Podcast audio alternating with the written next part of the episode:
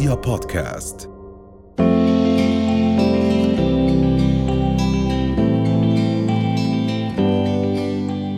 نبدأ نحكي عن أنواع دعاوى الطلاق في الأردن ورح نركز على الشقاق والنزاع تفضلي. هلا في عنا ثلاث خيارات في حال كان الزوج أو الزوجة وصلوا لحالة ميؤوس منها وبدهم ينفصلوا. نعم. هلا أول خيار عنا وأسهل خيار اللي هو الطلاق مقابل الإبراء. م. هذا الإجراء بيتم بالمحكمة بنفس اليوم أو ماكسيموم خلال أسبوع. م. آه، بتتنازل فيه الزوجة عن جزء من حقوقها وممكن إنه يكون بالكامل. مقابل إنه الزوج يكون موافق على الطلاق. نعم. هلا الخيار الثاني عندنا اللي هو الافتداء اللي هو ما يسمى الخلع. نعم. إنه الزوجة ترجع كل شيء قبضته وقت الزواج مقابل إنها تحصل على طلاق وهي دعوة.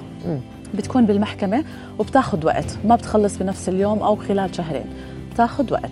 نعم. هلأ آخر خيار واللي هو الأصعب هو بصير ضمن آه، قضية بالمحكمة دعاوى الشقاق والنزاع. نعم. هلأ هاي الدعاوى موضوعها الأساسي إنه في مشاكل بين الطرفين وصلوا لطريق مسدود حاولوا ناس كثير إنه يصلحوا بينهم وما قدروا إنهم يصلحوا. والمشاكل انتشرت بين الناس وصار لازم إنه يطلقوا. نعم. فبتقدموا بدعوة للمحكمة. بيطلبوا فيها فسخ العقد نعم. والطلاق آه عن طريق المحكمة. هلأ نهاية هاي الدعوة سواء الرجل أو المرأة كانوا موافقين أو رافضين رح تكون الطلاق إذا ثبتت وجود هاي المشاكل. هلأ في ناس بتفكر إنه المشاكل إنه يكون بضربها أو بيعمل إشي يعني يعني نحكي كثير سيء. لا.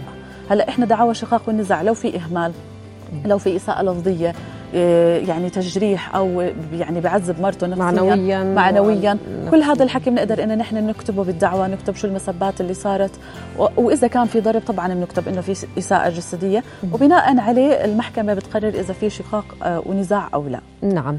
هلا آه، أهم حالة عندنا إنه بأول جلسة شو رح يصير؟ هلا آه، الطرف الثاني لازم يجي صادق على هاي المشكلة يعني يحكي نعم في مشاكل عشان تمشي الدعوة. نعم. في حال حكى ما في مشاكل لازم أجيب الشهود وأدلة بتثبت إنه في مشاكل حتى أقدر أمشي بالدعوة عشان ما أخسرها. نعم.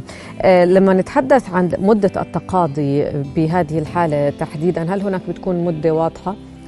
يعني هيك دعاوى تعتبر طويلة نوعا ما ما بتقل عن ست شهور.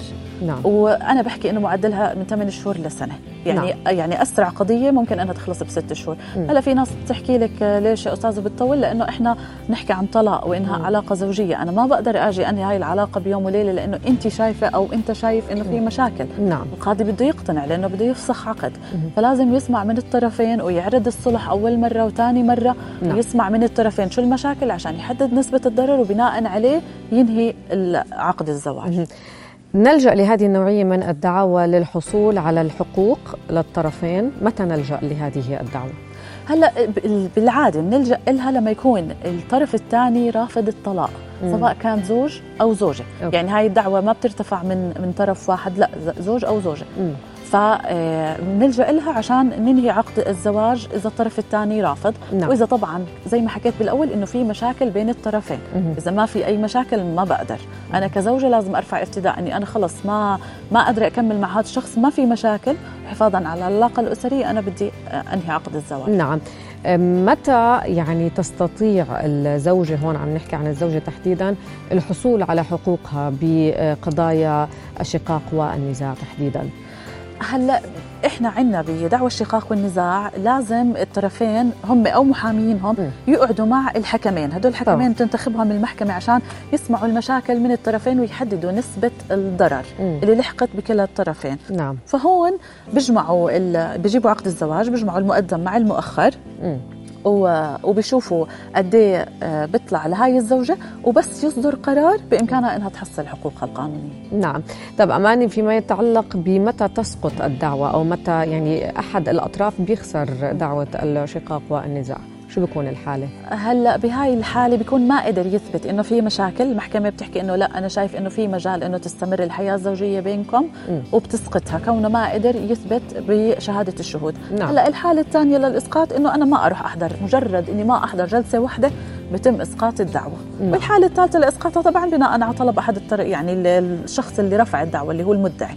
سواء نعم. الزوج أو الزوجة آه، في حال تم آه، يعني ربح القضية وكسب القضية شو بيكون الحقوق لكلا الطرفين هلا أول شيء إنه بتقرر المحكمة فسخ العقد بطلقه أولى يعني حسب هم شو مطلقين أكثر من مرة نعم. أولى ثانية ثالثة وبتقرر المحكمة قد إيه بيطلع للزوجة نسبة من المؤخر.